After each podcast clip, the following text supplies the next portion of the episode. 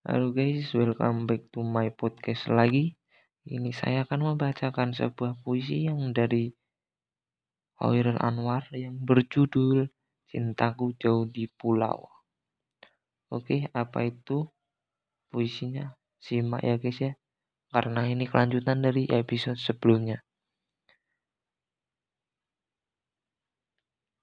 Di air yang tenang, di angin mendayu, di perasaan penghabisan segala melaju. Ajal berakta sambil berkata, tunjukkan perahu ke pangkuanku saja.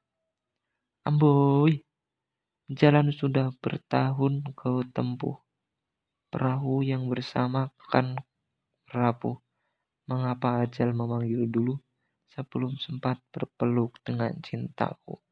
Manisku jauh di pulau kalau ku mati, dia mati iseng sendiri.